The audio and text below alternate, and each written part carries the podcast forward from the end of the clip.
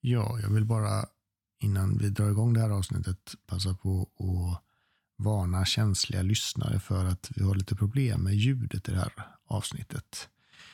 Mot slutet av avsnittet så började det låta väldigt mycket i den lokal som vi satt i och spelade in.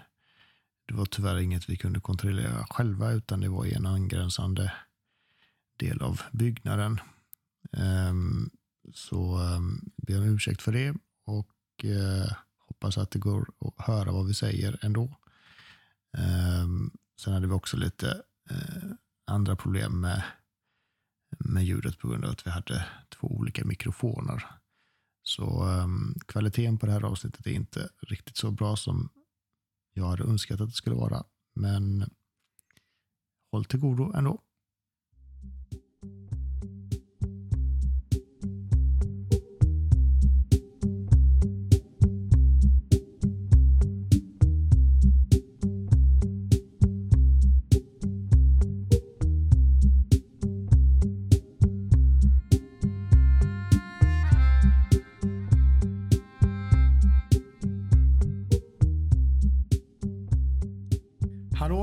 Välkomna till Arkeologipodden. Eh, en populärvetenskaplig podd för de som tycker om och är nyfikna på arkeologi.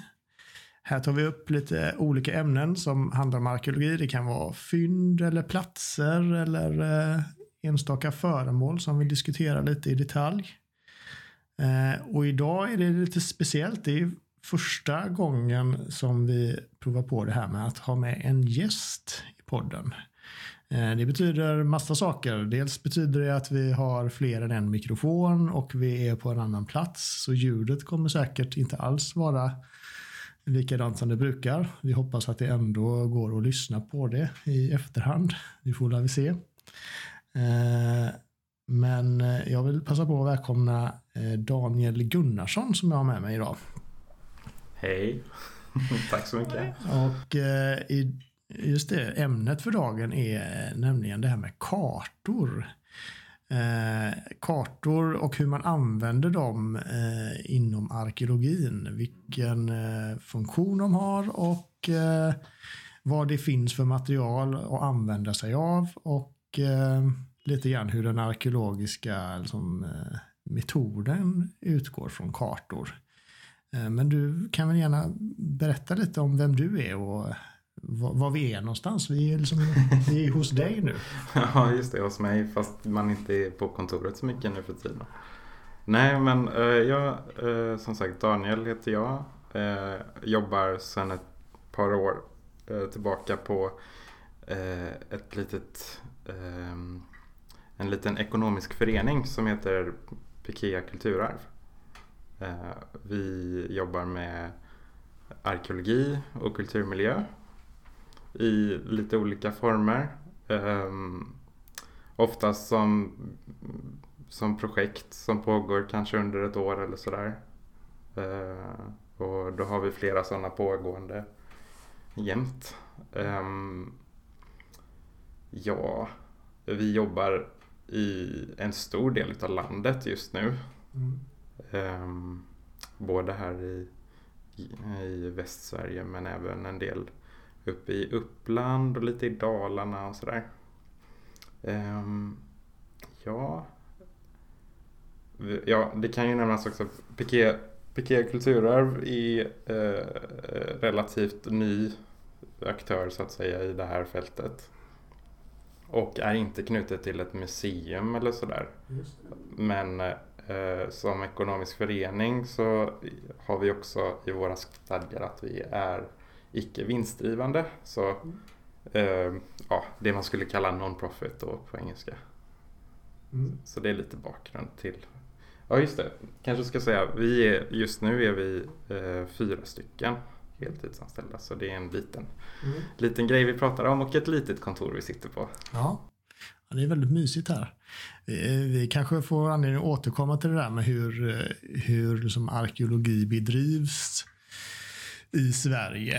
Eh, det har ju förändrats en del eh, i förhållande till hur det såg ut för kanske 50-60 år sedan. Eh, då det bara var liksom institutioner som utförde arkeologiska uppdrag, mer eller mindre.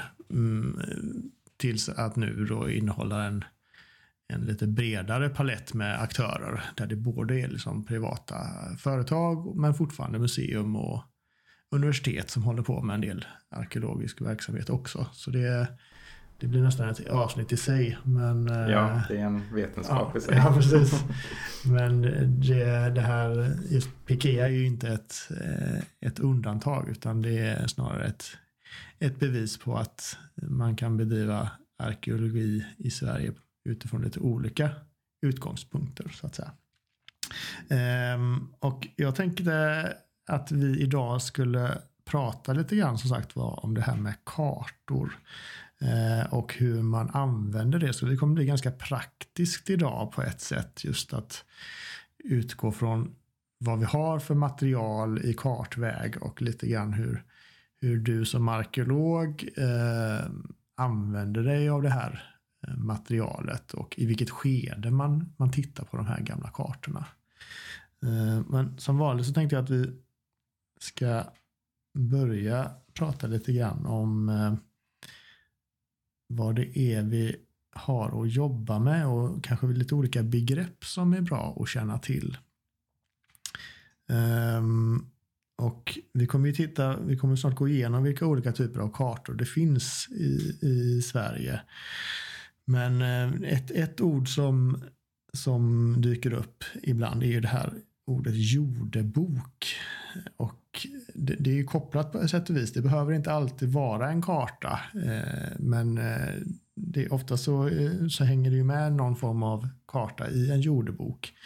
Och det är liksom en förteckning över jordegendomar som staten eh, har använt för att eh, ta in skatt till exempel. Så där finns det då beskrivet olika jordegendomar, Eh, Eh, vad det, hur stora de är, hur mycket de eh, avkastar varje år, vem som äger dem och sådär. Så det är liksom ett, ett register kan man säga över vem som äger vad i, i ett område.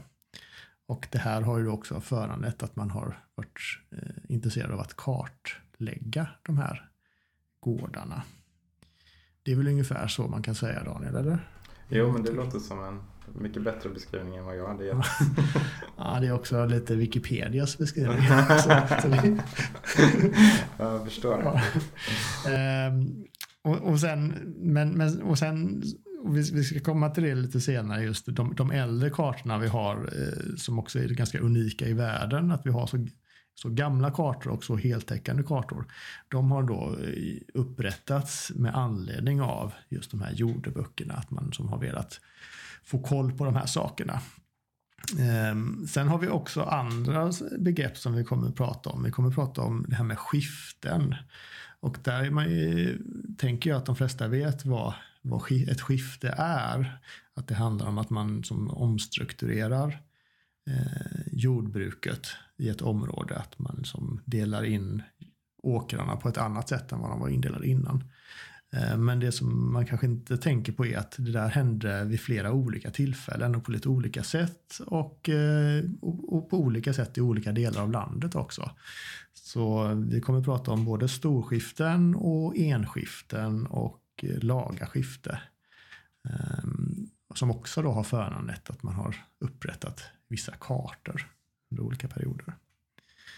Sen något som vi inte kanske kommer att prata så mycket om eh, är att det finns ju andra kartor eh, utöver de vi pratar mycket om här idag. Det finns ju liksom militära kartor som har som haft en militär en militär eh, användning eh, för att upprätta eller som ja, försvarsanläggningar och sådana saker. Eh, men eh, de används kanske inte i lika hög grad. Det, och det ibland handlar det om att de är i en skala som gör att detaljnivån inte är så, så stor, eh, vilket gör dem inte så användbara eh, när det kommer till den arkeologiska verksamheten. Men eh, det kan vara bra att veta att de finns, för de, ibland kan de vara nyttiga att eh, titta på just för att man vill ha ett, liksom, ett helhetsperspektiv över ett st större område kan man väl säga. Um, så det är lite grann om förutsättningarna här. Men tänk att vi dyker in i, uh, i de här olika kartverken som vi har. Kan, kan du säga någonting om vad det finns för kartverk och lite grann om bakgrunden till det. Jo, eh, det du nämnde först var ju det här med jordeböcker. Mm. Eh, och då har vi ju en uppsättning kartor från två olika perioder som brukar indelas i äldre och yngre geometriska kartor som hör ihop med den här bokföringen eller vad man ska säga. Eh, som handlar om, om att etablera eh, eh, vad ska man säga, ett underlag för, för, eh, för beskattning helt enkelt. Eh, och då pratar vi alltså 16 ehm, och 1700-tal. Mm. Eh, framförallt 1600-tal.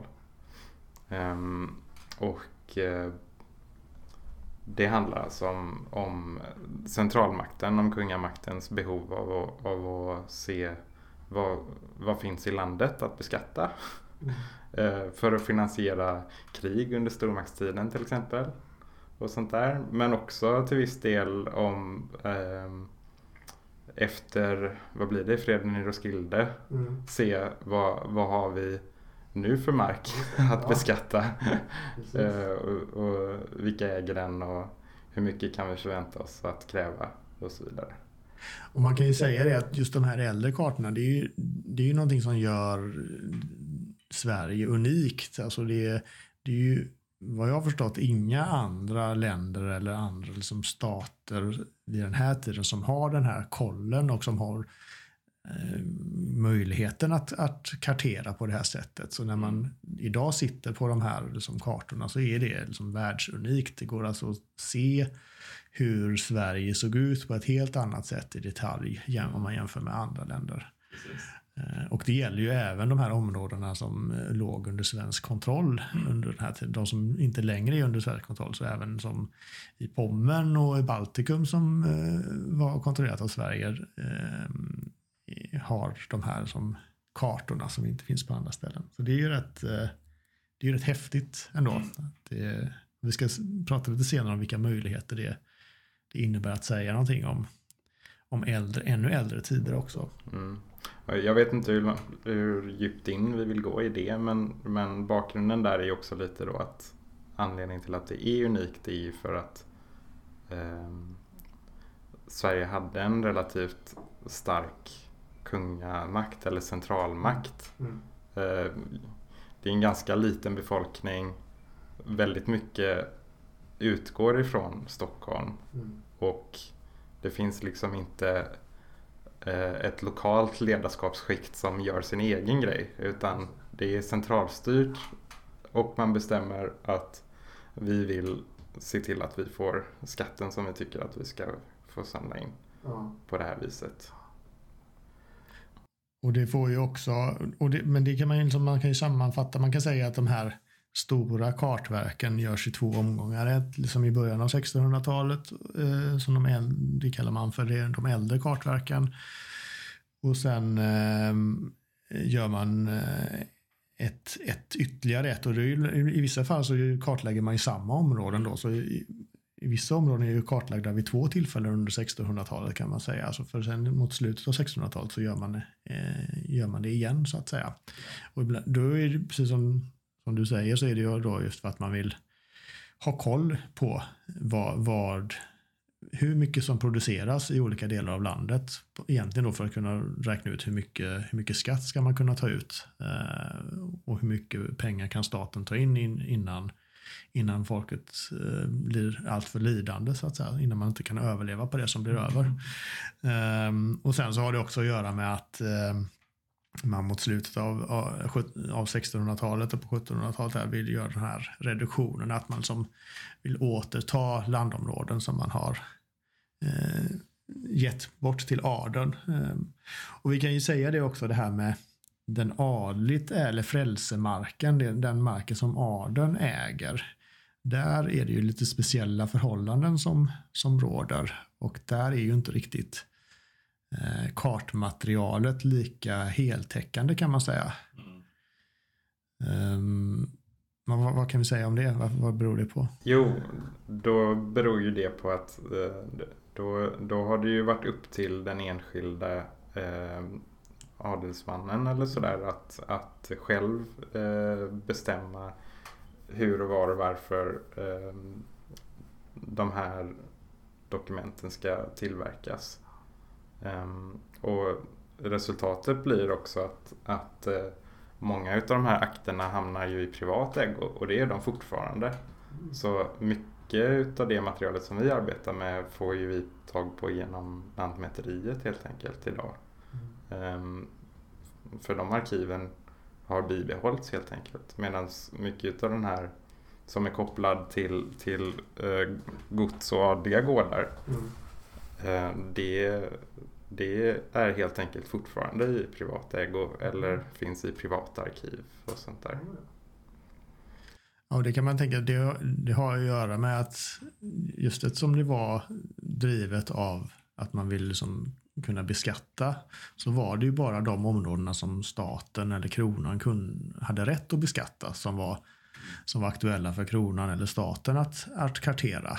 Eh, adels eller frälset hade ju liksom, de betalade ju inte statlig skatt på det sättet. Eh, så där fanns det liksom inte ett statligt intresse av att eh, kartera deras områden på samma sätt. Eh, även om det då kanske fanns intresse hos, hos frälset själva att ha koll på vilka vilka områden de hade förfogade över och hur bördiga de olika jord, eh, jordarna var. Precis, och det kommer vi in på sen. Det, det finns ju även instanser där det är, är, just det som är den drivande faktorn. Mm.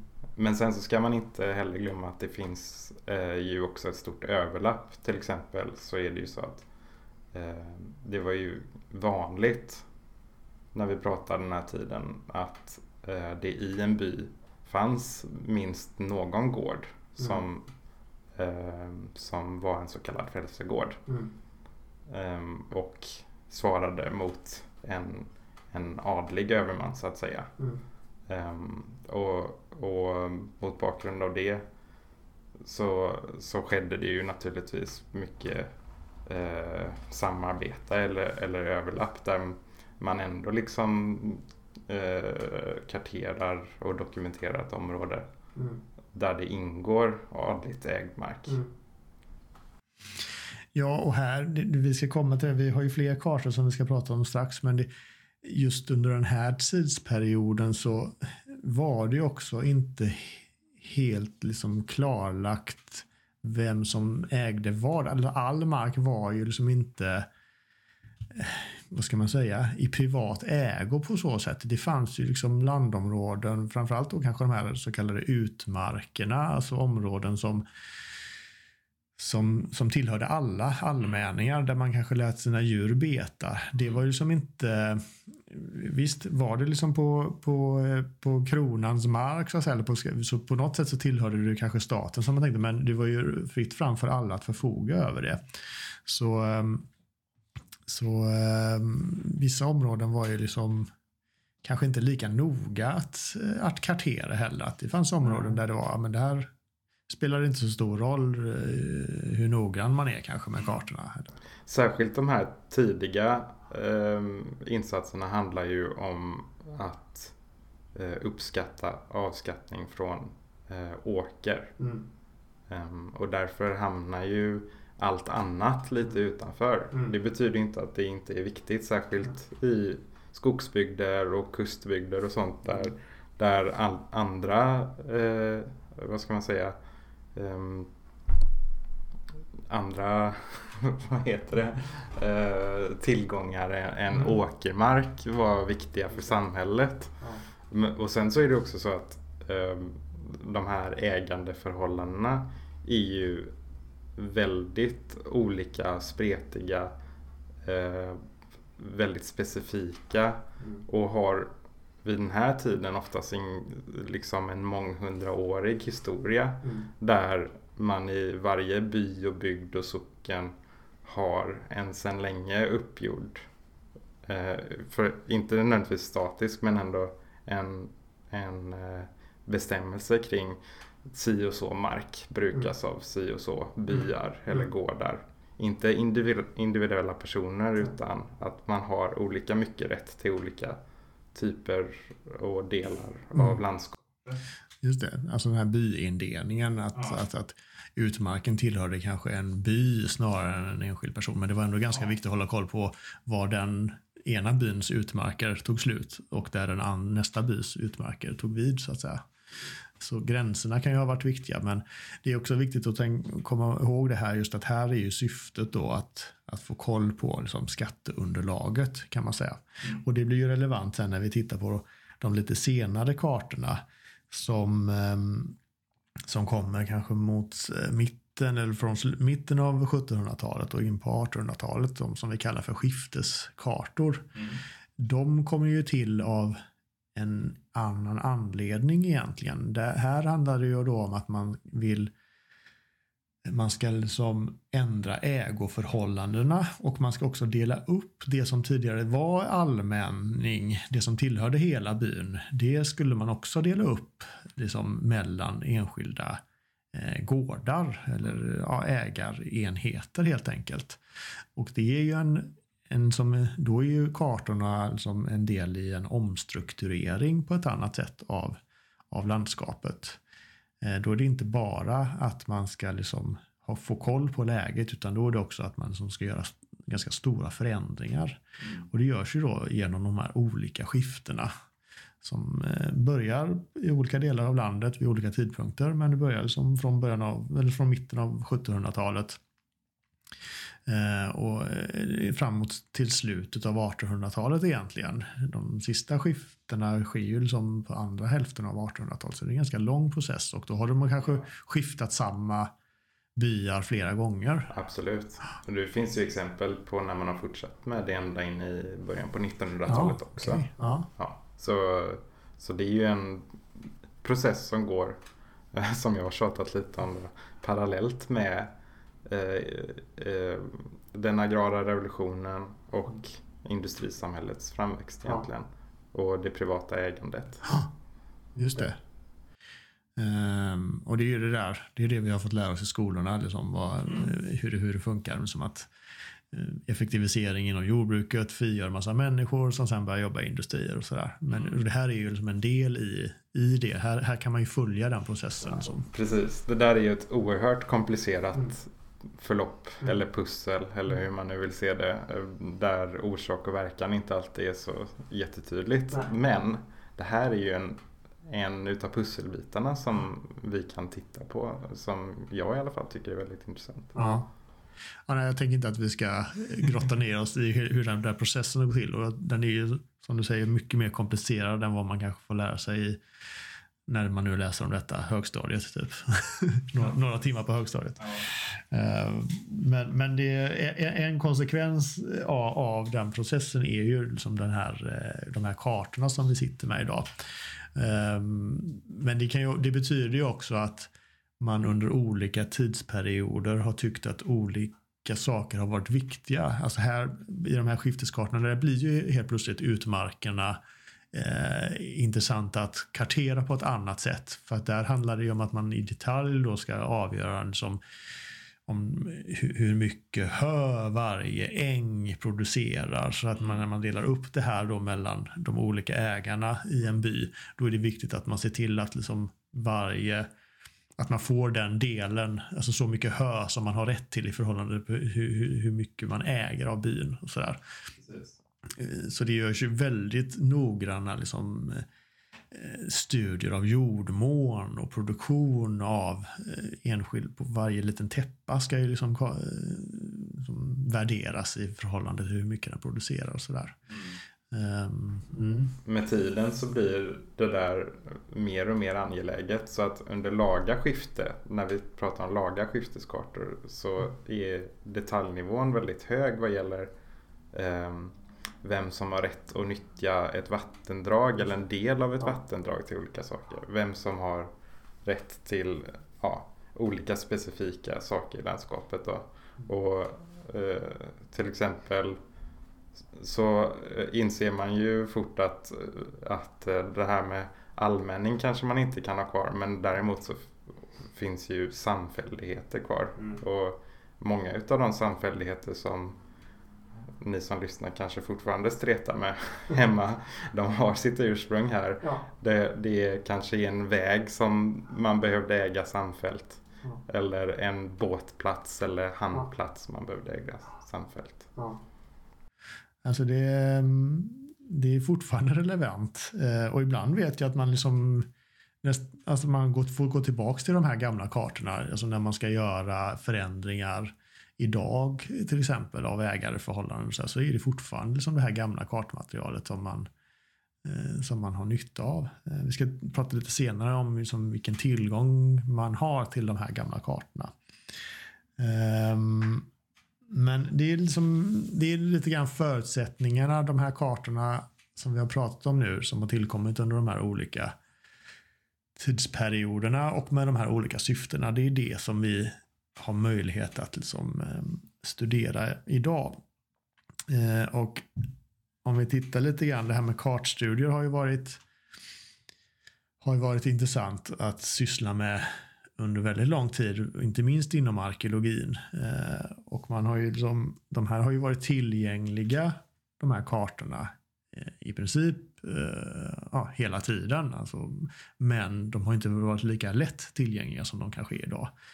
Eh, det fanns ju en tid då man satt och gjorde manuella, eh, alltså jobbade med de här ja, fysiska kartorna helt enkelt. Eh, och det vi kommer prata om här idag är ju just hur man liksom ska orientera sig i nuet på en modern karta med hjälp av att hitta de här gamla företeelserna som finns i, i, på de gamla kartorna och då behöver man ju liksom arbeta lite grann med kartan för det är inte alltid så enkelt att man kan liksom sätta sig med en 1600-talskarta och så börja liksom direkt se att ja, men just det, där är den gården och där ligger den gården för det har ju hänt väldigt mycket liksom i landskapet eh, sedan den tiden. Eh, och det är inte heller så att eh, skalorna har varit de samma när man har eh, upprättat de här kartorna. Och tidigare så var ju det, och det kan fortfarande vara ganska komplicerat, att, att få eh, alltså att översätta och hitta var man befinner sig på en historisk karta. Men det var ju kanske ännu svårare att göra det innan digitaliseringens tid. För då fick man ju liksom sitta och göra manuella överlägg och som överföra informationen från de historiska kartorna till eh, moderna kartor och så försöka rätta hitta de där felen som dels håller på att kopiera fram och tillbaka för att få rätt skala. Men sen också då rätta de eventuella felen som de här lantmätarna gjorde av olika anledningar. Eh, ibland var det för att de kanske inte tyckte att det var Alltså vissa områden var inte lika viktiga att vara noggrann i. Eh, som vi sa innan här, här i, i, på sex, de första äldre kartorna så var det ju just kanske åkermark och det är de områdena som var närmast själva by, byarna så att säga. Mm. Som var no, viktigt att vara noggrann i och så blev man så mindre noggrann ju längre ut man kom. Eh, och då får man, som, fick man göra förr i tiden då, sitta och göra manuella rättningar. Men eh, Ja, och ehm, det där, den, vissa delar av den processen har ju förenklats tänker jag med hur gör du idag? Du sitter väl in, kanske tänker jag inte med som en overhead-film och ritar för hand Nej. eller? Nej. Nej. utan vi använder oss av eh, eh GIS-program, alltså geografiska informationssystem. Eh, där vi hanterar allting digitalt. Eh, och då är det egentligen precis som när man tittar på Google Maps eller Eniro eller sådär.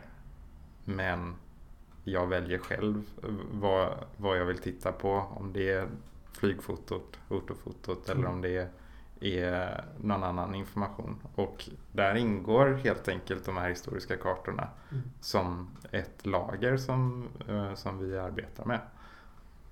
Mm. Eh, sen så gäller det ju som du säger då. det gäller ju fortfarande att passa in det mm. lagret eh, i den här digitala miljön då så att den stämmer överens med, eh, med den moderna digitala kartan så att säga. Mm. Som vi arbetar med.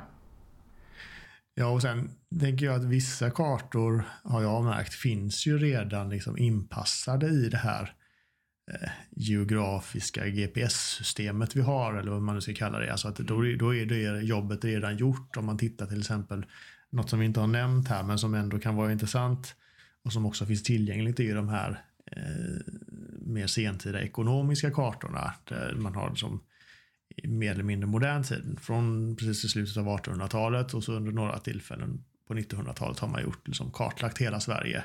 De kartorna är ju då tillgängliga och då är de redan som inpassade efter en modern karta. Så där är det jobbet redan gjort. Men jag tänker att du, du sa innan här till exempel att om ni är i ett område och arbetar där det kanske inte finns, det kanske inte finns det här, det kanske inte är gjort i det här jobbet. Dels är det vissa av de här äldre kartorna hos Lantmäteriet som inte är digitaliserade. Eh, men det kan ju också vara att ni är på en, eh, i ett område där det är kanske ett gammalt frälsegods där det finns liksom fysiska kartor hemma hos en privatperson. Mm. Um, hur, hur funkar det med det? Hur, hur, hur gör man då liksom med en sån, om man har en fysisk karta? Går den att få in i datorn? Eller? Jo, jo, det är ju, det är ju klart. Eh, det, hindret är ju snarare att, att få tillgång till den. Eh, men, men får man tillgång till en karta som inte är eh, i, i Lantmäteriets digitala arkiv till exempel så Eh, så går det ju jättebra att scanna den. Eh, det kan ju hända att formatet är knepigt och att mm. man behöver en bordscanner och sådär. Mm. Men, eh, men det är ju rent tekniskt inga, inget annorlunda förutom att man får göra det steget själv. Ja. och det är det det som kallas för rektifiering när man liksom lägger en bild eller någonting på en... Ja, rektifiering är alltså är alltså att få kartbilden att stämma överens med, med det moderna kartsystemet som man använder sig av. Så det är både att lägga den över men också att då kanske att, att förändra formen på den lite grann? Ja, eh, man kan ju bli lite petig här om man vill. Eh, då, då finns det ett begrepp som heter eh, georeferering. Och det handlar ju helt enkelt om att sätta ut en punkt i princip och säga den här kartan finns eller motsvarar den här platsen. Mm. Men rektifiering handlar om, som du säger då, att, eh, att få den att passa mer eh, så att, ehm, ja vad ska man säga, då kan det handla om att rotera, skala, mm. skjuva den här mm. bilden så att den stämmer överens med det som du ser på till exempel Eniro eller ja, ja. sådär. Ja, nej, precis. Det, och det kan ju bli lite pilligt och det beror ju rätt också mycket på hur, hur, hur noggrann den där historiska kartan är. Mm. Hur, hur, hur väl förhållandena stämmer. Hur lång är den här vägen i förhållande till det där vattendraget eh, och så. Ja, i värsta fall så går det ju inte att Nej. få allting Nej. att stämma samtidigt på hela kartan. Då får man välja det man är intresserad av. Precis. Ja, okay. ja. Eh, och det, ja. det gäller ju särskilt de här äldsta där man mest har varit intresserad av åkrar mm. Eh, och där man till exempel inte har ens har ritat ut um, tomtmark ja, uh, utan då har man ritat ut hussymboler som motsvarar varje gård. Um, men de är liksom inte utritade Nej. Mer än som symboler. Nej. Och då blir ju utmarkerna så att säga skogen och bergen och sjöar och så vidare motsvarande då oftast inte jättenoga inritade. Man kan ju bara tänka sig om, om man har problem idag när man ändå har tillgång till den tekniken. Alltså att sitta och göra det här manuellt för hand. Eh, att det innebar, eh, om man kan bli frustrerad idag. Jag har provat på det någon gång och liksom att man inte riktigt får till det och det blir inte riktigt bra. Jag kan bara föreställa mig hur jobbigt det måste vara att sitta som hålla på och kopiera fram och tillbaka och, och sådär. Yeah. Mm. Nej men det är ju allting får ju ske ut efter vad målsättningen mm. är så att säga. Ja. Och arbetar man med en 400 år gammal karta mm. så kanske det inte är jättenoga utan man vill mest passa in den för att få en uppfattning om ja. var, har, var har gårdarna legat någonstans. Eh, vad har man kallat de olika mm. delarna utav området? Ja, var går gränserna ja. någonstans? Sådär. Ja men det är bra. Vi ska komma till det sen, just vad man, mm. vad man har det här till. Men jag tänker en, en, en sista grej som gäller just kartorna är ju det här. Något som man kanske, eller man, jag i alla fall, eh, ibland eh, glömmer bort är att i de här kartakterna. För det handlar ju om mycket, mycket mer information än bara kartorna som finns till de här, eh, alltså finns i de här akterna som vi kan kalla dem. Eh, till exempel de här skifteskartorna innehåller ju väldigt gedigna protokoll. Alltså när man gjorde de här förändringarna av, av ett område och bytte ägarförhållanden och så här. Då skrev man ju väldigt ingående och detaljrika protokoll. Det var ju en juridisk process mm. eh, som man dokumenterade. Ja.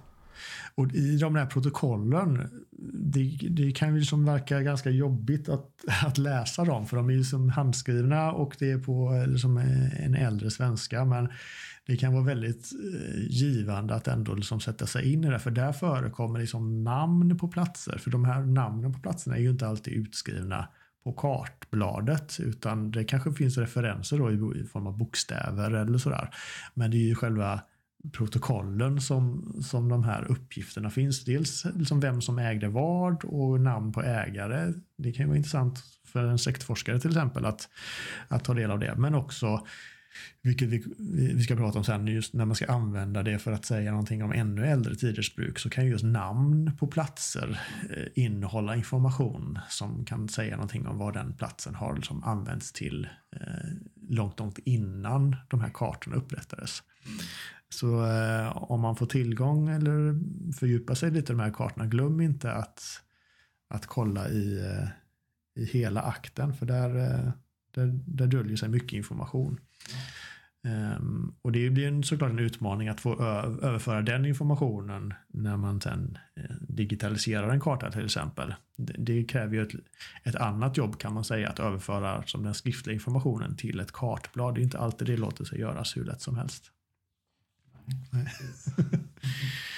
um, men då har vi liksom pratat lite grann om om vad det är vi har att göra med och vi har pratat lite grann om, om kan man säga, liksom hur man har använt sig av de här och hur man har jobbat med kartorna i, det, i fysisk form och eh, i, i den digitala formen. Ehm, jag tänker också att man har ju lite, det finns ju tillgång, man har ju tillgång till de här. Det är också en fördel med, med liksom, vårat system är att mycket av den här informationen är ju tillgänglig också. Det är inte alla länder som har som ger fri tillgång till den här informationen hur som helst. Men eh, mycket av det här materialet finns ju tillgängligt om man bara vet var man ska leta. Eh, jag tänker att jag ska eh, som vanligt försöka liksom, lägga ut lite så referenser och där kommer det vara en hel del eh, som internetsidor som man kan klicka in på för att ta del av de här olika digitala kartorna som fortfarande finns. det är ett pågående jobb med att digitalisera fler. Så allt är ju inte gjort, men eh, en hel del är gjort nu. och eh, det finns, man, Tyvärr så är ju inte allt tillgängligt på samma plats utan man får liksom kanske hålla på med flera olika eh, databaser för att få en helhetsbild. Ja um, då ska vi se. Om vi då går över till att prata lite grann om vilken, liksom, vad man har för nytta av kartorna och vad är det man, liksom, vad, får, vad man får ut för information. Jag tänker speciellt då om man tänker på det som utifrån ett arkeologiskt perspektiv. Mm. Hur, ehm, ja, kan du berätta lite grann om hur, hur ni jobbar med kartor. I vilket skede blir kartorna relevanta och vad, vilken typ av information är det du letar efter på dem? Ja, um, de, de, här kartorna blir ju ett väldigt viktigt källmaterial på det sättet att um, när, vi, när vi arbetar på en plats eller i ett område så inleds ju arbetet eh, i regel med att man eh, hemma på kontoret så att säga eh, läser sig till eh, vad som finns i området. Mm. Och eh, då tittar, du, tittar ju vi på hur det ser ut idag, tittar på eh, ortofoton, flygbilder, eh, tittar på eh, höjdförhållanden, tittar på, går in på fornreg, kollar vad finns för fornlämningar i området. Mm. Eh, och liksom gör en sorts inledande koll eller analys. Och i det skedet så är det ju väldigt bra om man har tillgång till ett historiskt kartmaterial för att bygga vidare på den bilden. Um, och allt det här är ju lite i mån av tid och budget och sådär. Nörd som man är så hade man ju gärna lagt väldigt mycket tid på sånt här. För man lär sig väldigt mycket. Men, um, men då har kartorna som främsta roll egentligen att, att um, ge oss en, en bättre bild av hur, hur de här landskapen har sett ut mm. under historisk tid. Mm. Um, genom att jämföra helt enkelt. Hur ser det ut idag? Uh, var låg husen förut? Hur gick vägarna? Mm. Uh, vad var åker? Vad var skog? Um, hur hur liksom fungerade landskapsrummet helt enkelt? Och du sa innan här, innan vi började spela in just det här att det är viktigt att liksom skala bort det vi ser runt omkring oss nu. Ja, ja för mycket av vårt arbete går ju ut på att, att uh, söka upp de äldre spåren av människor i ett landskap. Helt enkelt. Ja. Uh, och det är ju lätt om man bara säger det så. Men men då, då blir historiska kartor ett väldigt bra hjälpmedel. För genom dem uh, så kan vi i alla fall ta oss tillbaka lite grann i förloppet. Mm. Och då tänker jag framförallt på sånt som har hänt de senaste hundra åren ungefär. Mm. För de senaste hundra åren har det ju skett uh, osedvanligt stora förändringar mm. i i princip alla miljöer som vi arbetar i. Mm. Det har byggts vägar, mm. eh, det har byggts industrier, mm. hus, eh, vattennivåer har sänkts ja. i sjöar och vattendrag har reglerats. Och träd har tillkommit. Ja, det, det, det, är en sån där vanlig, ja, det är en sån vanlig sån grej att man måste påpeka i alla fall i vissa delar av, av, Sverige och nu befinner vi oss på, på västkusten här och här är det ju väldigt tydligt att man måste tänka bort all skog i princip. Alltså om man ska tillbaks 100-150 år i tiden så tänk bort all skog. Det brukar jag alltid få jag brukar alltid säga, inleda med att säga det att när man är på en plats att tänk bort all skog. Mm. Um, för det, vi har mycket, mycket mer skog nu mm. än vad vi hade bara för 100 år sedan. Så det är både att vi har byggt saker men att vi också har låtit saker växa igen på ett annat sätt. Um, och framförallt tänker jag i ett odlingslandskap där, där, där tidigare, tidigare, tidigare brukade områden har, har liksom blivit beskogade nu. kan man säga. Mm. Ja, eh, jag vet inte hur, hur djupt du vill dyka i det här då men, men det är ju liksom den övergripande eh, nyttan med att arbeta med, med den här typen av källor. Ja. Men sen, och det här har vi ju gått in på lite grann då, så kan man ju eh, verkligen gå ner på detaljnivå i mycket sånt här också. Mm. Och, och då kan det ju vara bra att veta hur en sån här karta ser ut. Mm. Men, eh, men där finns ju väldigt mycket att utläsa. Allt ifrån den generella formen av hur, hur ser en by eller en gård ut? Alltså hur, hur stor är den? Vad ingår innanför gränserna? Mm. Eh, hur ser strukturen ut innanför gränserna? Hur är marken uppdelad? Mm. Eh, och sen också med skifteskartorna, hur, är det, hur fördelas den på eh, individuella ägare? Mm. Var går vägarna någonstans? Var finns bebyggelsen någonstans?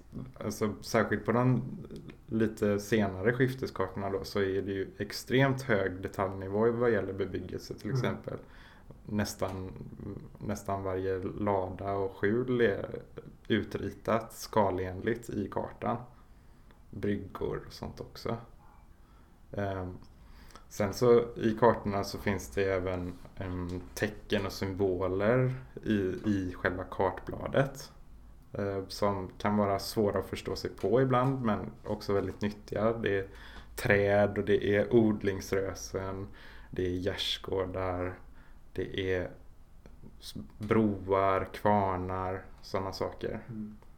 Um, och så är det ju allt det här som ingår i akten också som du var inne på. Mm. Med beskrivningar och protokoll och sånt som, som hör till den här kartan. Mm. Och har man tur så kan man läsa till sig väldigt mycket där. Eh, både namn men även ingående beskrivningar av vad är det för typ av mark? Hur använder man den? Mm. Vad växer där? Eh, ibland till och med vad har man använt den till förr? Mm. Eh, det kan finnas någon notis om att det finns gamla gravar någonstans. Det kan finnas eh, skrivet i klartext att här är ett övergivet gårdsläge. Eh, Sådana saker. Men också sånt som man kan läsa lite mellan raderna. Att det här området eh, har en viss karaktär då. Ja.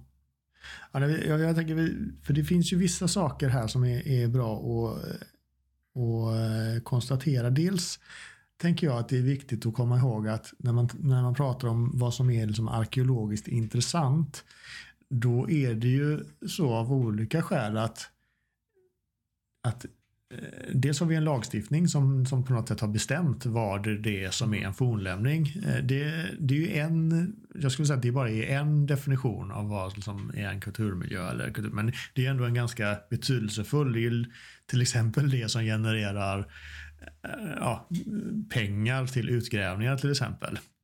Eh, på, på ett sätt. Så, så, så den, den, det är ju viktigt att förhålla sig till det. Och då är det ju inte bara eh, sånt som är liksom stenålder och bronsålder och järnålder. Utan där är det ju all, ja, liksom, det är ända fram till 1850 som, som den eh, definitionen gäller kan man säga. Så då är det, ja, och då blir de här eh, kartorna viktiga just bara för att ja, men allt, allt som är äldre än, inte allt, det, vi ska inte fördjupa oss för mycket där, det finns Nej. olika re- regler, men om man ska förenkla det så liksom allt som har hänt innan 1850 är ju av intresse för en arkeolog kan man säga och allt kan eh, nästan bli, eh, eh, vad ska man säga, an, anled, en anledning till en arkeologisk undersökning. Det gäller ju liksom gamla torplämningar till exempel och sånt.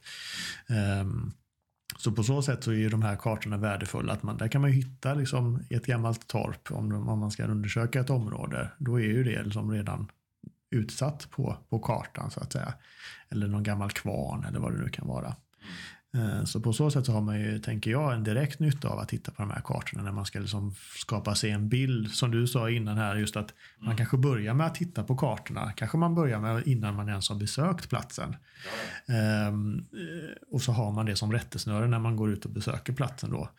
För, eh, och det kanske vi också kommer att fördjupa oss i något framtida avsnitt, hur, hur som den arkeologiska processen går till. Men vi kan ju konstatera det att den sker ju i olika steg. Alltså om det, oftast är det ju då nästan alltid nu för tiden när man ska gräv, göra en utgrävning så, så är det ju för att man ska liksom bygga eller göra någonting på en plats. Och, men innan man kommer till själva utgrävningsdelen så gör man ju flera undersökningar innan dess. Eh, och det som man kallar för utredning, va? Du får rätta mig. Ja, man brukar lite slarvigt dela på eh, olika steg även i utredningsskedet.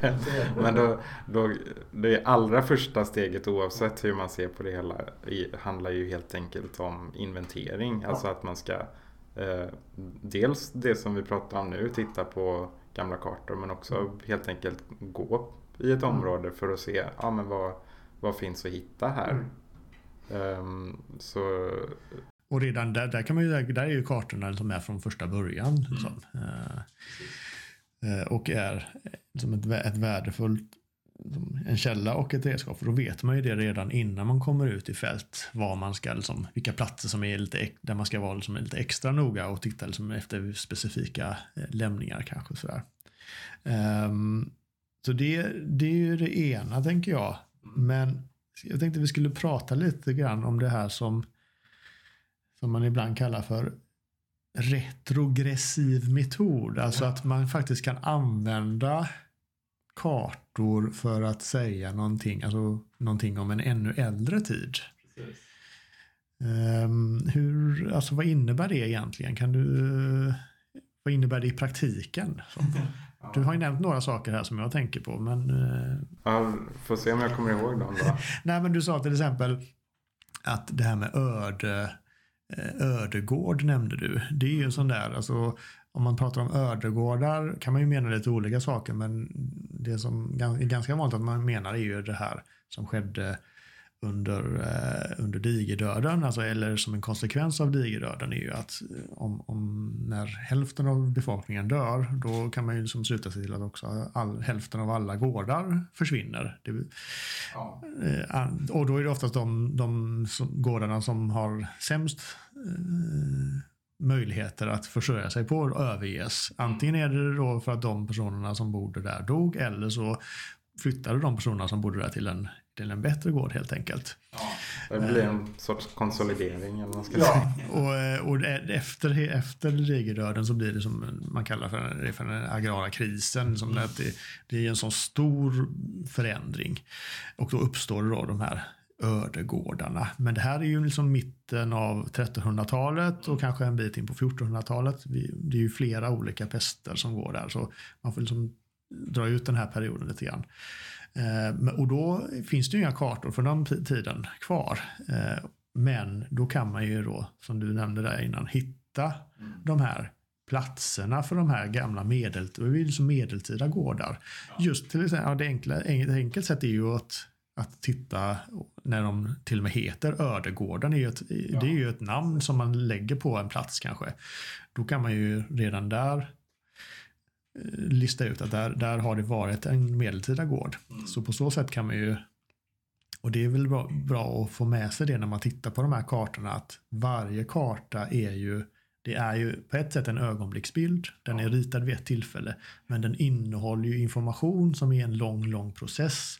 Och det är också är någonting, man kan ju tänka att det hela tiden är i förändring också. Så den där ögonblicksbilden, den, är ju som, den kommer ju från någonting och den är på väg någon annanstans. Och så har man tagit det som ett foto mitt, mitt i den här processen av förändring.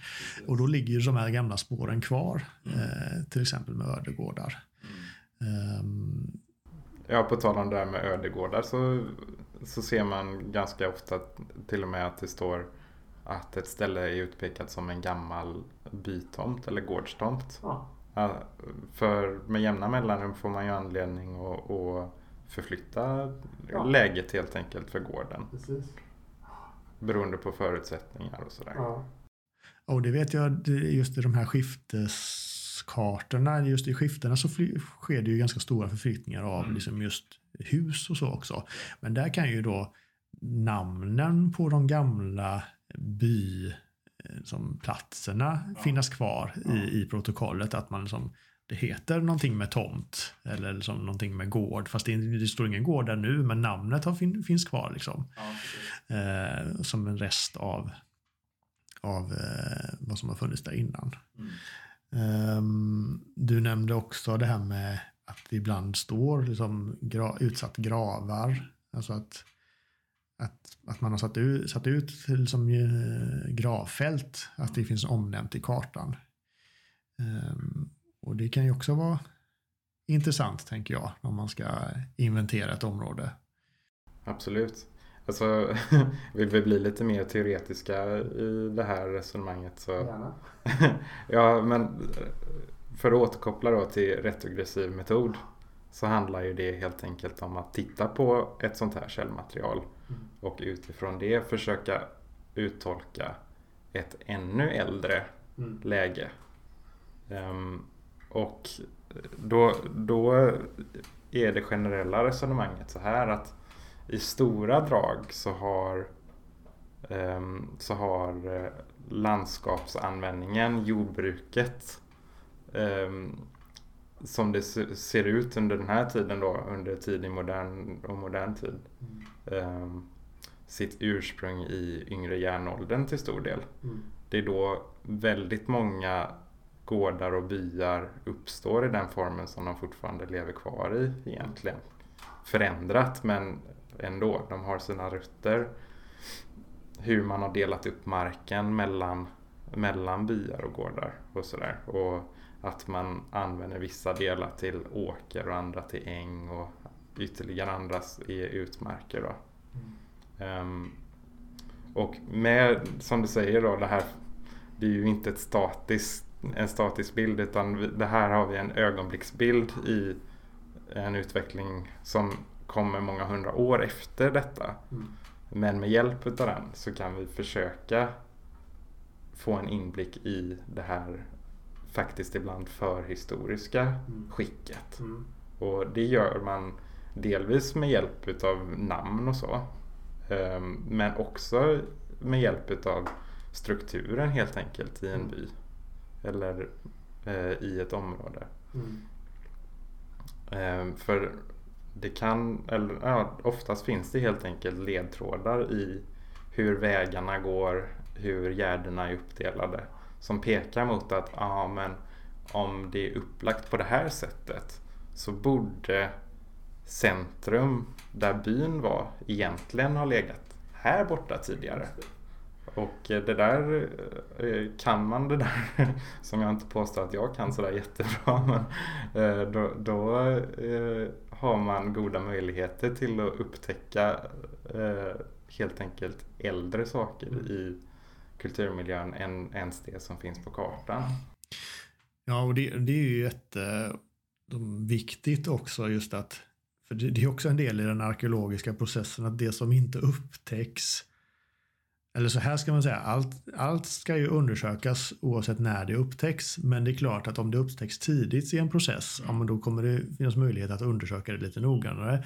Har man väl börjat bygga den där motorvägen eller det där stora köpcentrat och, och då eh, hitta saker som man inte har upptäckt tidigare, ja, då är ju möjligheten att göra en sån bra undersökning av det som begränsade får man väl ändå säga. Eh, Så det är bra eh, alltså, om man kan göra de där, dra de där slutsatserna och sen då när man gör de här förundersökningarna lägga som sökschakt eller provrutor eh, på rätt ställe så är det ju, så är det ju mycket, som, mycket värt för, för bevarandet och av kunskapen om de här platserna. Eh, och det kan ju också vara så, tänker jag, att på de här äldre kartorna finns det ju fenomen som, ja, som, som du sa där, alltså landskapet har ju förändrats så otroligt mycket de senaste hundra åren, men även i och med de här skiftena som man gör på, på 1700 och 1800-talet. Då, det som händer då är ju att till exempel att man man börjar odla upp eh, det som har varit ängar innan. Och ängarna har ju varit ganska orörda. Alltså de kan ju, en äng, och en äng är ju alltså en plats där man kanske har bete eller där man liksom odlar vall som man slår för, för, djur, för foder.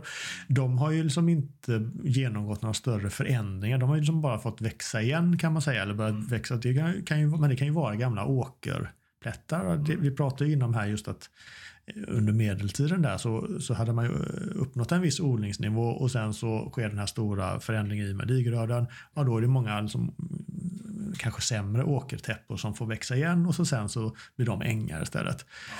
Och då är de det kanske på 1600-talet men sen när man då skiftar och kommer in på 1800-talet och vill liksom få ut mer av marken, ja då börjar man odla upp dem där och då förändrar man dem ju också. För i de här ängarna kan det ju till exempel ligga det som vi kallar för odlingsrösen. Alltså, och odlingsrös, kan inte du berätta lite vad ett odlingsrös är? Ja, visst, ehm, det handlar ju helt enkelt om, om stenen som man röjer ifrån en yta som man vill odla upp. Och det, man brukar göra skillnad på om man vill gå djupare i detta, röjningsrösen och odlingsrösen. Mm. Där röjningsrösen är de som blir av när man röjer av en yta för första gången. Ja. Och odlingsrösen är de som byggs på successivt allt eftersom man bearbetar en åker till exempel och plockar mer och mer sten ur den och lägger den åt sidan. Och innan eh, det jordbruket som vi har idag med stora eh, först då hästdragna Mm. apparater men nu då maskindrivna apparater som är liksom stora plogar och harvar och så vidare. Ehm, innan deras intåg så, så eh, kunde man ju zigzacka mellan Ja, stenarna till, till stor del och då fick mycket ligga kvar. Ja. Då kunde det vara mitt i en åkertäppa att det låg en stenhög där. Eh, nu vill man kanske bli av med den där för att Ja. då lägger man den utanför. Eh, och det kan man väl säga, det har ju hänt att man har då tagit bort de där och, eh, röserna, kallar vi dem då, om det är o- odlingsrösen eller röjningsrösen. Då har man ju tagit bort dem, men de kan ju om man har tur finnas kvar på de här gamla kartorna. För det finns ju, och det är också en variabel här, att vissa lantmätare som gjorde kartorna var ju liksom mer noggranna än andra. Och jag vet, jag har sett något exempel där det var, liksom en, då var det en lantmätare som prickade in liksom, som, så här, flera tusen sådana här rösen i ett område bara för att eh, och det gjordes tror jag i, i någon av de här skifteskartorna bara för att det var viktigt att just den lilla plätten som röset upptog be, gjorde ju den det var ju liksom en begränsning i den åkermarkens eller den ängsmarkens produktivitet då. Och just på den, den ytan kunde man ju inte odla. Så när man skulle sen fördela de här eh, områdena mellan, mellan de som hade rätt att äga mark i byn då var det en variabel då att hade man var det en, ett, ett område med väldigt många sådana odlingsrösen så var ju den mindre värden än med få och sådär. Men den informationen är ju viktig för oss nu mm. och, och det är ju också, det är ju, jag menar de här odlings eller de här röserna, de kan ju vara liksom ända bak till stenåldern eh, och ha legat kvar och relativt orörda. Och de finns ju för kvar fortfarande. Jag menar, vi har ju områden idag som vi kallar för fossil odlingsmark eller inte vad de brukar kallas i, i fornminnesregistret. Fossil åkermark eller odlingsrösområde. Så här. Det kan ha lite olika namn. Men... I regionalt så kallas de ju även för hackerör. Just det, hackerör har jag sett också. Ja. Um, och det är också ett sätt att, alltså att uh, hitta information om ännu äldre tiders bruk i de här kartorna. Mm. Um, så de är, man kan ju på ytan luras och tro att det bara handlar om att man tittar man på en 1600-talskarta, ja då får man information om 1600-talet men ingenting mer. Men det är lika väl som att ja, den in, innehåller mer information än, än så helt enkelt. Och det är ju mycket väl en sån sak som kan stå i text och inte nödvändigtvis ja. i bild så att säga. och jag såg också något exempel när jag läste på lite inför detta. Alltså att man kan hitta gamla, alltså att man har satt ut gamla stenmurar och eller som, ja, ja sten, sten som strängar som är också då kanske en begränsning i det odlingslandskap man karterar. Alltså att men här är det, har man ritat ut det på kartan. Den har kanske inte haft någon funktion i det landskapet som man karterar där och då. Men om man, om man tittar på de här stensträngarna och ser att ja, men är det två stensträngar som går parallellt med varandra, ja, men då kan det mycket väl vara en färgata mm. som är som väldigt, väldigt gammal. Mm. Och då kan man ju då också lista ut att om, om den där färgatan leder någonstans så kan ju det vara en gårdsbebyggelse där som inte finns synlig idag. Så det, mm, ja, det finns väldigt mycket och men det är också lite, tänker jag, ett, ett, ett hantverk att lära sig att se de här sakerna och dra de här slutsatserna. Så det, mm, men, det, och det, men det jag vill prata om är ju, om man som ett litet stickspår igen här då, men något som jag tycker är väldigt spännande med arkeologi är ju att det innehåller så otroligt många som an, alltså man kan inte säga att det handlar om en sak utan det är väldigt liksom mångvetenskapligt. Vi har ju haft, vi hade vi, i ett tidigare avsnitt så pratade vi om det här med strandlinjekurvor. Där var det liksom mm. ganska avancerad geologi inblandad. Och här är det ju liksom ganska avancerad geogra geografi och kartkunskap. Mm. Och ska man dessutom då läsa de här eh, protokollen, ja, men då behöver man ju också ha, ha liksom, kunna tyda gammal handskrift. Um, ibland när folk frågar så här, hur blir man arkeolog? Ja, visst, det enkla svaret är ju att ja, men läs arkeologi så blir du arkeolog. Men det finns så många olika ingångar. Du kan ju liksom ha en bakgrund inom ja, vilket område som helst och syssla med arkeologi. Du kan ju som vara geolog, geograf, du kan vara kemist, du kan vara fysiker och det, det finns liksom utrymme för liksom alla vetenskaper inom arkeologiämnet. Och något, ja, lägg till då det, det som jag vet att du sysslar med, som är med som digitalisering och datorbehandling av, liksom, eh, av, av, av, kunskaper som, eh, som kommer från arkeologiska undersökningar så, så finns det ju en, som, en hel värld där att upptäcka också. Mm. Um, ehm, 3D-behandling och allt möjligt. Ja, så jag tror att jag får komma hit fler gånger och prata om, om de grejerna. Men om vi återgår lite grann till, till kartorna så Ja, och då, vi har pratat lite grann om eh, när man liksom eh, använder kartmaterialet och vi har konstaterat att det är liksom en, en bra utgångspunkt innan man börjar eh, titta närmare på ett område. Men kan du, eh, finns det liksom andra tillfällen då, då kartmaterialet kan, eh, kan vara bra att titta på? Absolut. Eh, nu, nu har vi pratat om lite vad man kan göra innan ett fältarbete så att säga. Men, men det är också viktigt ett viktigt material att arbeta med efter ett fältarbete. Mm. När, vi, när vi dels tolkar sånt som vi har hittat och, och skriver om det i rapporter eller andra texter.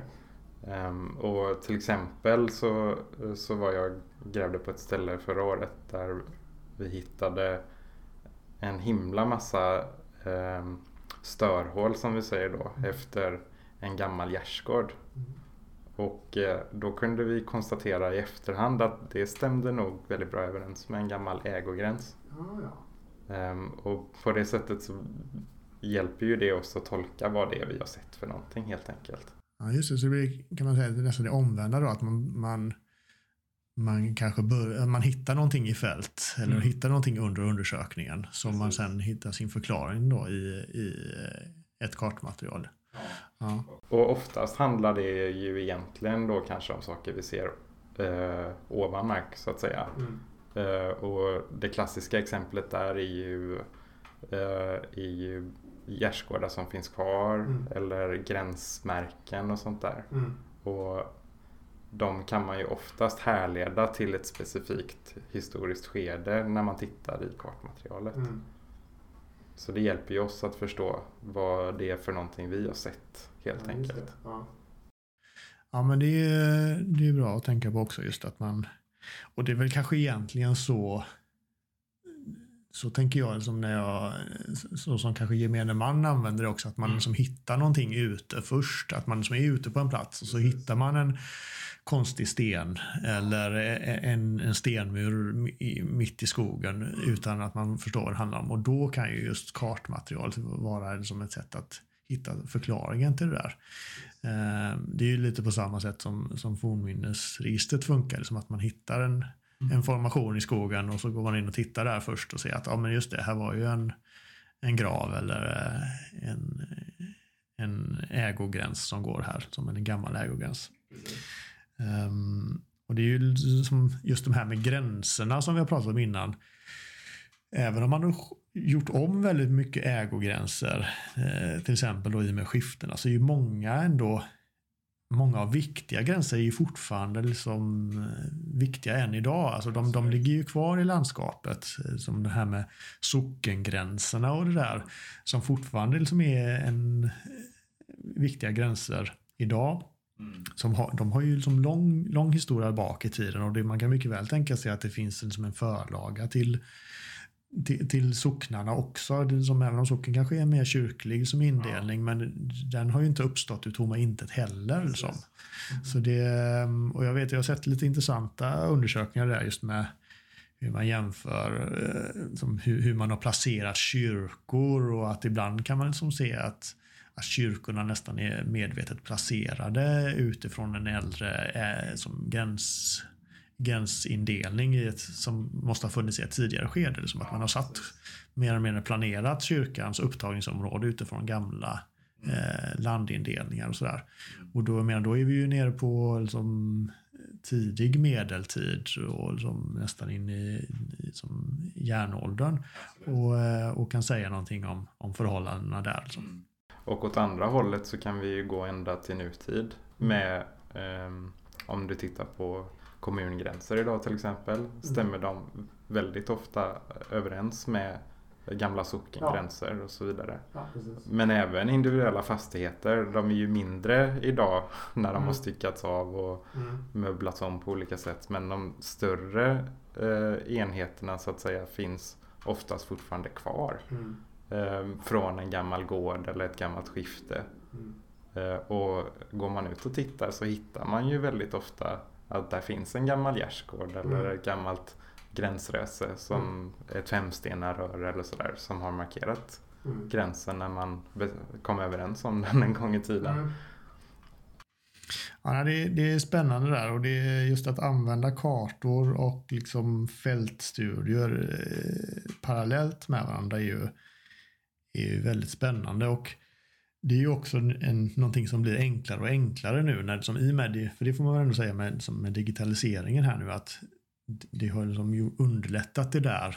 Som att man bara har möjlighet att få tillgång till det här materialet ute när man är ute på en plats. Det kan jag känna som att det underlättar jättemycket. Bara det här med att man har som tillgängliggjort eh, fornlämningsregistret nu. Mm. Eh, och att man kan ha liksom med sig det ut i sin telefon, liksom stå ute på en plats och liksom få fram de här informationen. Och förhoppningsvis så gör man ju även de här gamla kartorna tillgängliga på, på motsvarande vis. Att man som kan kanske stå ute på en plats som man inte har förberett sig på att besöka och så helt plötsligt som, med sin telefon eller sin mobila enhet få fram liksom 1600-talskartan där. Det hade ju varit eh, guld. Vi är väl inte riktigt där än, men eh, det känns ändå som att ju, ju, ju, mer av det här materialet som, som digitaliseras och tillgängliggörs, desto närmare en sån, eh, en sån grej är vi ju. Får man hoppas. Mm. Vill du eh, göra en liten genomgång av vad det finns för källor? Eh, ja, vi som vi kan prata om? Ja, det ja. kan vi göra. Jättegärna det, vik det viktigaste i, som vi har pratat om idag, eh, tycker jag i alla fall i mitt arbete, är, är skifteskartorna. Och väldigt, väldigt många utav dem finns högupplösta numera eh, via Lantmäteriet. Mm. Och då kan man söka på Lantmäteriet historiska kartor. Mm. Eh, sen är det lite knepigt att hitta precis den som är mest relevant för det man tittar på. Mm. Men var inte rädd för att gå in på fliken som säger avancerad sök. Mm. För vet du vilken socken du är i och vilken by du är i så kan du hitta exakt alla akter som har med det att göra. Mm. Um, det andra är, uh, här, i alla fall här, Länsstyrelsen i Västra Götaland har en väldigt bra väldigt bra webbgris så att säga. Alltså en karttjänst mm. på sin hemsida. Med där alla ekonomiska kartor är inlagda. Så man kan titta på dem direkt. Men även häradsekonomen som är den äldre föregångaren då från 1800-talet. Mm. Det kan man säga just en skillnad här mellan de här två tjänsterna, Lantmäteriet, är att i, i det här som de ekonomiska kartorna som finns tillgängliga hos, jag tror det är några länsstyrelser, men eh, de finns, till, de finns, men det är inte alla som är lika lättillgängliga kan man säga. De är ju också som, som inlagda i, eh, så att de stämmer överens. Där kan du liksom få en GPS-markering om, om, om var du är någonstans. Du kan gå in på den moderna kartan och hitta en plats och så kan du lägga över en, en ekonomisk karta från 1930-talet kanske. Eh, så är det då tyvärr inte på Lantmäteriets karta utan där får du liksom bara kartan i sig och där får du då själv liksom lista ut var du befinner dig eller var den platsen du är intresserad av är på den historiska kartan.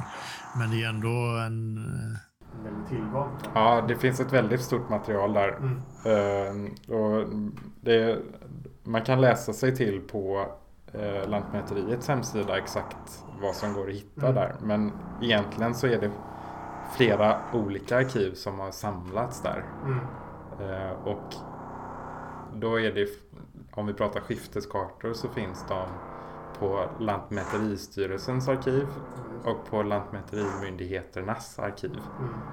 Och det är alltså den centrala myndigheten och de gamla regionala myndigheterna då som har ibland, eh, eller ofta ska de ha varsin kopia på samma akt egentligen.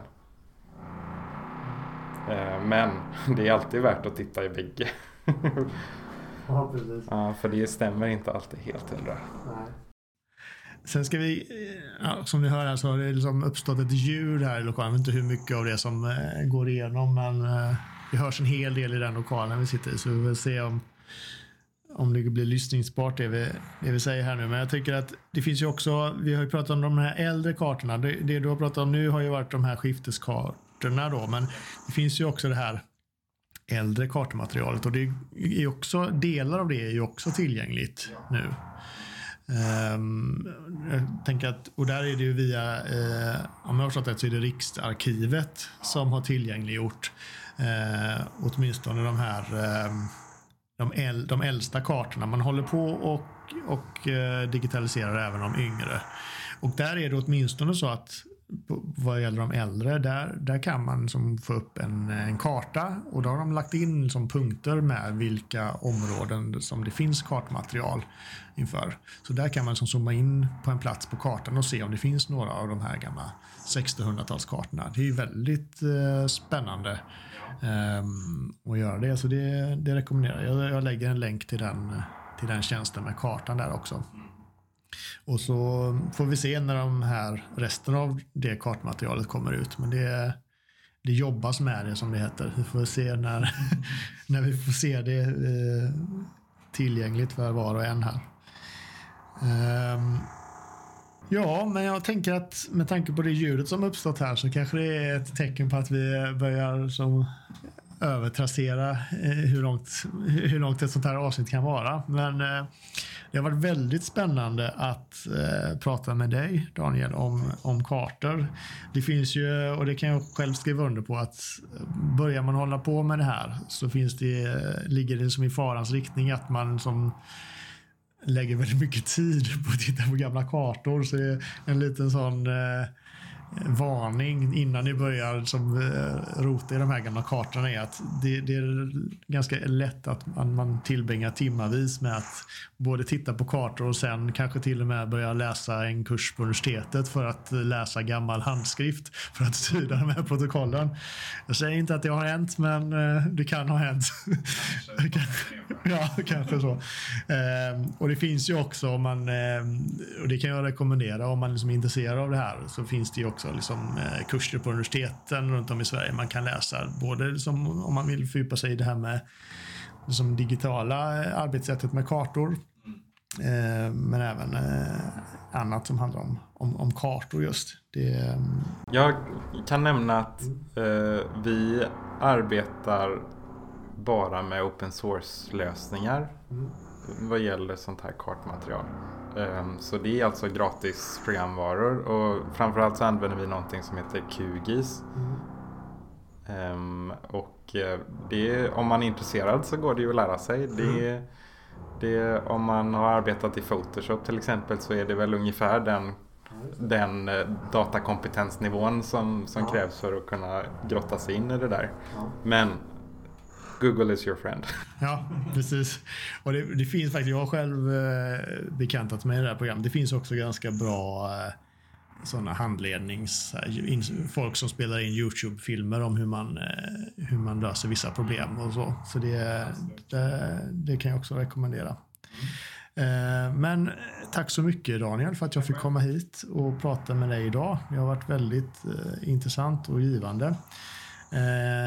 Jag hoppas att jag får komma hit fler gånger. Det finns ju fler som jobbar på det här stället som sitter inne på andra expertkunskaper och jag vet att du har, har mycket mer att, att berätta om just den arkeologiska verksamheten. Så jag tänker att jag får kanske anledning att komma hit fler gånger.